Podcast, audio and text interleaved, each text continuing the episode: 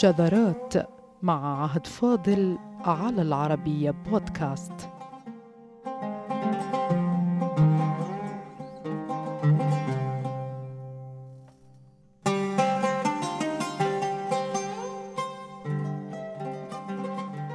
تعرضت اللغة العربية لخطر جسيم كاد يقضي على أهم كتاب فيها وهو الكتاب الذي أرسى قواعد النحو وكان المصنف الذي عليه استند لغويو ونحويو العربية منذ نهايات القرن الثاني للهجرة ثم أصبح مرجعا هو الأقدم لضبط العربية الفصحى. هذا الخطر الجسيم وبكل بساطة تم على يد امرأة مجهولة الاسم حتى الآن.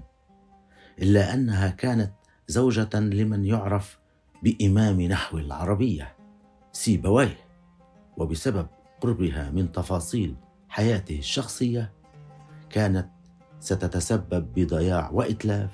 أقدم وأضخم مرجع في نحو العربية هو كتاب سيبويه الذي إليه شدت الرحال من أهل اللغة حتى أيامنا هذه.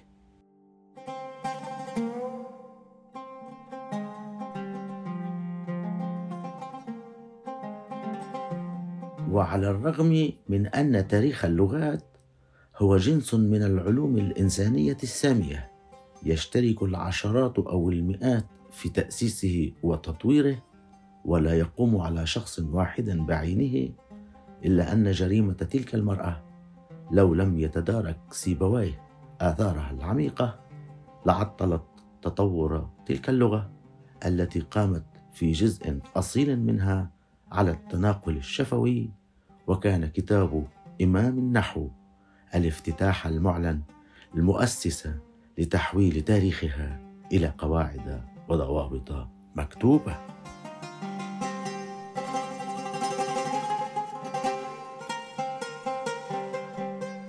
وخططت المرأة لجريمتها عن عمد وتحينت الفرص للتنفيذ وانتظرت خروج زوجها من البيت. لتقوم بكل بساطة بحرق الأصول الأولى لكتاب الكتاب. هذه الأصول كانت عبارة عن قطع من الجلد كتب عليها المقاطع الأولى من الكتاب الذي كتبت فصول منه أيضا على خرق وجزازات تعرضت جميعها لحرق مدمر أتى على كل ما فيها من علوم العربية النحوية الأولى.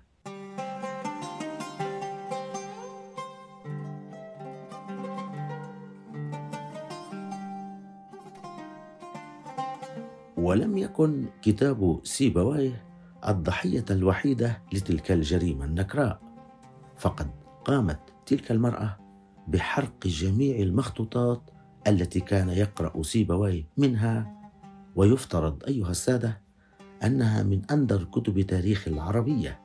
ذلك أن زمن الجريمة كان في النصف الثاني من القرن الثاني للهجرة وهو الزمن الذي عزت فيه المخطوطات على أي طالب خاصة وأن ذلك الزمان لم يكن زمن تاريخ التدوين أي أن الكتب التي حرقتها تلك المرأة كنوز لا تقدر بثمن ويبدو أنه لم يكن ثمة بديل يعوض عن إتلافها وحرقها فضاعت إلى الأبد.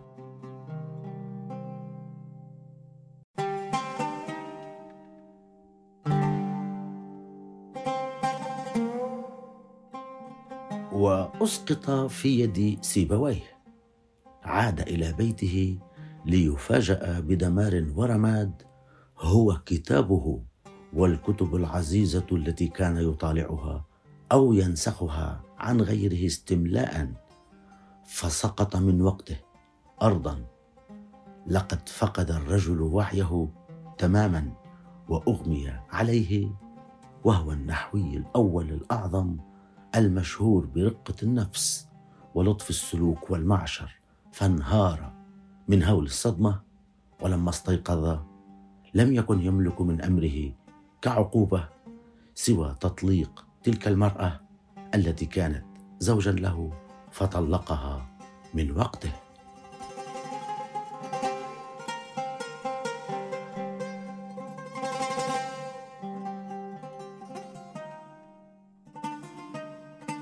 أيها السادة في تلك اللحظات التي عاد فيها سيبويه إلى بيته ورأى كتابه محروقا ومخطوطاته مدمرة بعدما تحولت إلى رماد بفعل الإحراق. كان تاريخ اللغة العربية على مفترق حاسم بكل معنى الكلمة. فالكتاب الذي أحرق وأتلف وصف بمبالغة وصلت حد إطلاق صفة قرآن النحو عليه كما يقول الإخباريون العرب والمسلمون.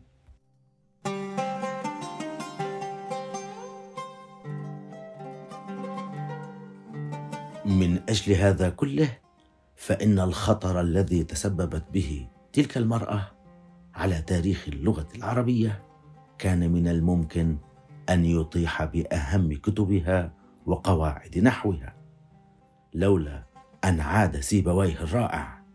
بكل ما فيه من طموح وثقة بالنفس وعشق للعربية ليعيد بناء كتابه من جديد على ما أكد واحد من رؤساء العربية الكبار هو أبو علي الفارسي إمام من أئمة اللغة والنحو وقال إنه على الرغم من قيام سيبويه بإعادة بناء كتابه بعد حرق أصوله الأولى إلا أنه قد ذهب منه علم كثير أيها السادة.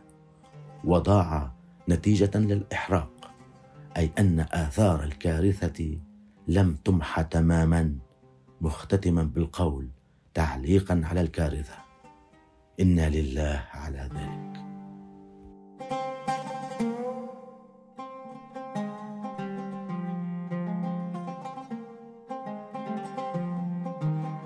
والسؤال الذي لابد ويطرح أيها السادة هو عن السبب الذي حدا بالمرأة المذكورة لحرق كتاب سيبويه ومخطوطاته الأخرى. وبحسب القصة المنقولة عن أبي علي الفارسي وهو من أكبر شيوخ العربية الثقات فإن السبب ببساطة هو عشق المرأة لزوجها وتعلقها به فيما هو منشغل بكتبه فحسب ولا ينظر إلا إلى أوراقه وجلوده وجزازاته غير عابئ بزوجته وعشقها له وهو جميل الشكل الذي كان يتغزل به حتى أبناء جنسه لشدة جماله فغضبت المرأة لما حل بها من تجاهل وإهمال من قبل زوجها الذي كان أجمل الرجال في تلك الآونة فانتقمت من ضرتها فأحرقت كتابه ومخطوطاته فحولتها إلى هباء كما وصف أبو علي الفارسي بالحرف.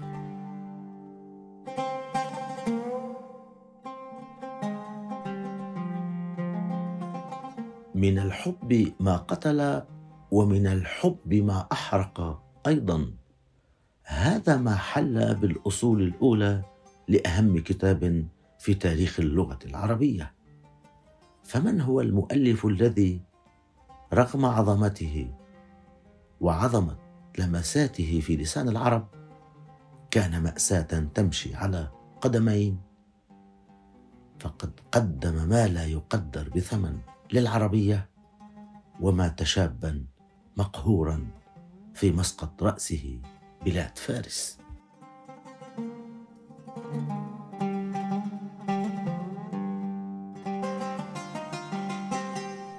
وولد عمرو بن عثمان بن قنبر الملقب بسيبويه أي رائحة التفاح في شمال غربي شيراز من بلاد فارس في حدود أوائل النصف الثاني من القرن الثاني للهجرة ومن أصله الفارسي استمد لقبه سيبويه ويقال إن أمه كانت ترقصه صغيرا بهذا اللقب فاشتهر به وصار لا يعرف إلا من خلاله.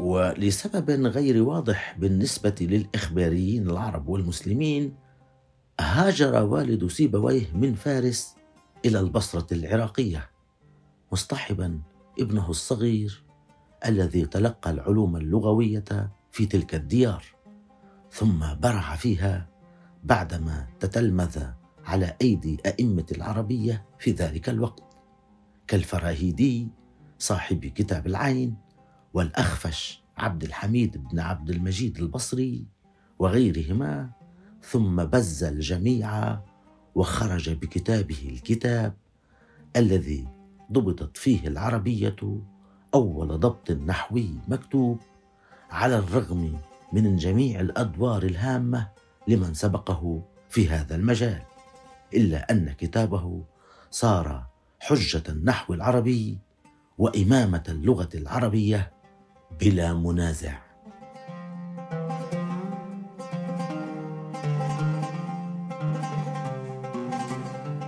تألم سيبويه أشد الألم من جملة الأحقاد التي عومل بها من أبناء جيله من اللغويين الكبار وهو الأصغر سنا بينهم فترصدوا له حسدا وكمدا وخطأوه وتآمروا عليه للتقليل من شأنه على الرغم من معرفتهم بموهبته الفريدة بالعربية.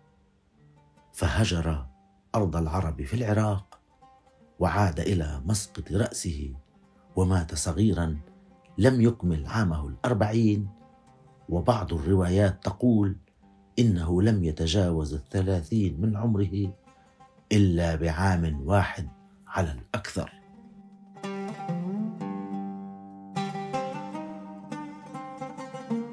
أظهر سيبويه دراية غير مسبوقة بلغة العرب على الرغم من حداثة سنه. وضمن كتابه أكثر من ألف بيت شعري صارت مدار تفسير وشرح وتخريج عند عشرات اللغويين والنحويين. فيما بعد وكانت آيات القرآن الكريم الحجة التي يعود إليها النحوي الشاب غزير الموهبة.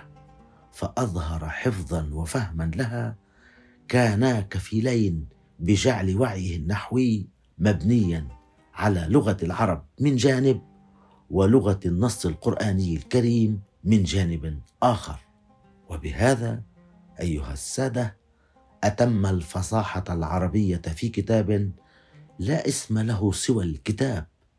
صار في وقت لاحق كتاب الفصحى الأول الذي تناوب على شرحه وتفسيره عشرات النحويين واللغويين الذين كان العدد الأكبر منهم من رؤساء العربية أيضا.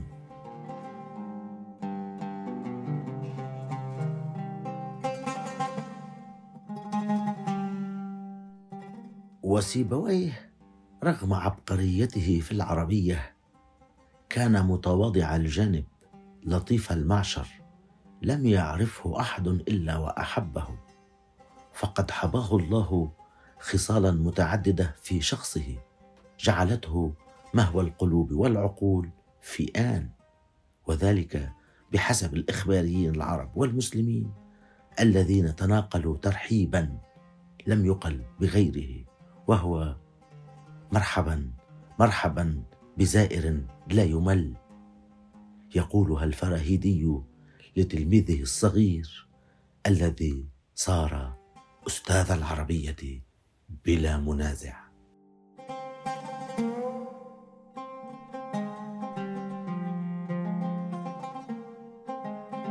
ومع أن سيبويه في لسانه حبسة تعيق نطقه الكلام العربي وتقلل من سرعة لفظ الكلمات وتكبح انطلاقته المطلوبة في الفم إلا أن سيبويه عوضها بالتأليف الكتابي.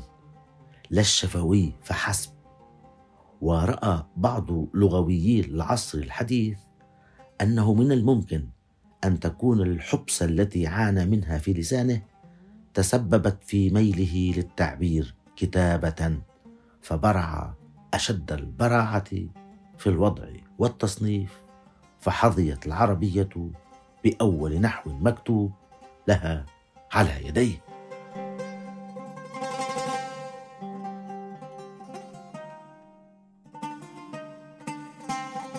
واتهم سيبويه لذكائه بأنه من الجن فقد قيل إن الجن تميل إلى سيبويه لأنه واحد منها.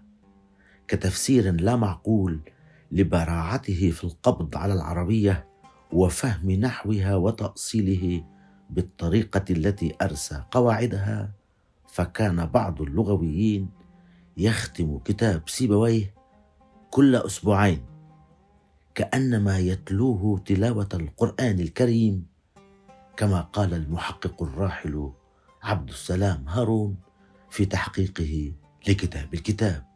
وكان يقال من أراد أن يضع كتابا كبيرا في النحو بعد سيبويه فليستحي. أيها السادة.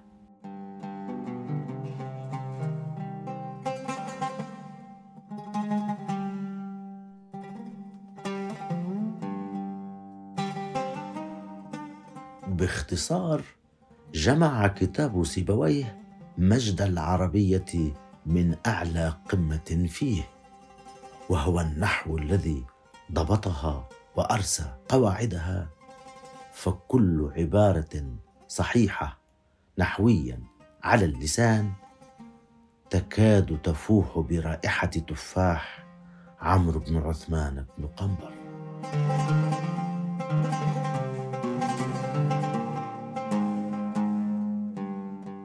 ومات سيبويه في حدود سنة أربع وتسعين ومائة للهجرة مع خلاف كبير للغاية في تحديد سنوات وفاته التي يرد فيها تفاوت كبير يصل إلى أكثر من عقدين في بعض الروايات.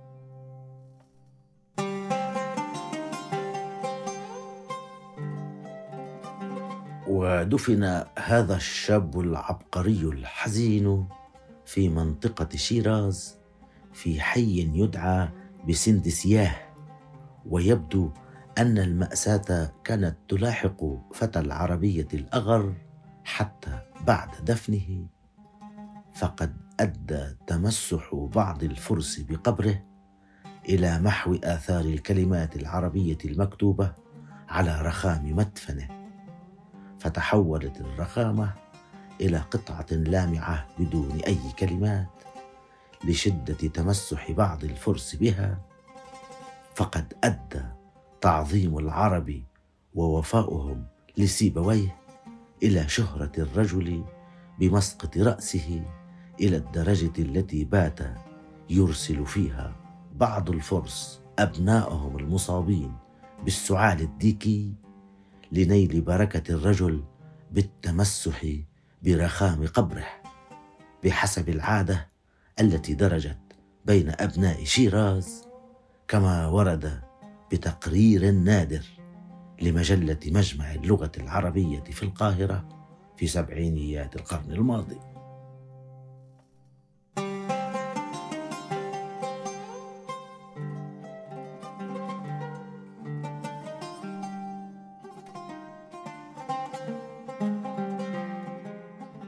وتجمع الروايات على أن سيبويه مات بمرض في معدته أدى لنزيف دموي قضى به.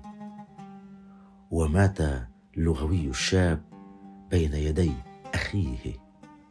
تقول الأخبار إن سيبويه لما اعتل واشتد به المرض وأقعده عن الحركة وضع رأسه في حجر أخيه. فبكى الأخير لما في سيبويه من اعتلال شديد يعلن قرب الأجل والرحيل. فبكى فسقطت دمعة على خد اللغوي الشاب الأعظم. فرفع رأسه إلى أخيه الباكي وقال له شعرا أخيين كنا فرق الدهر بيننا إلى الأمد الأقصى ومن يأمن الدهر؟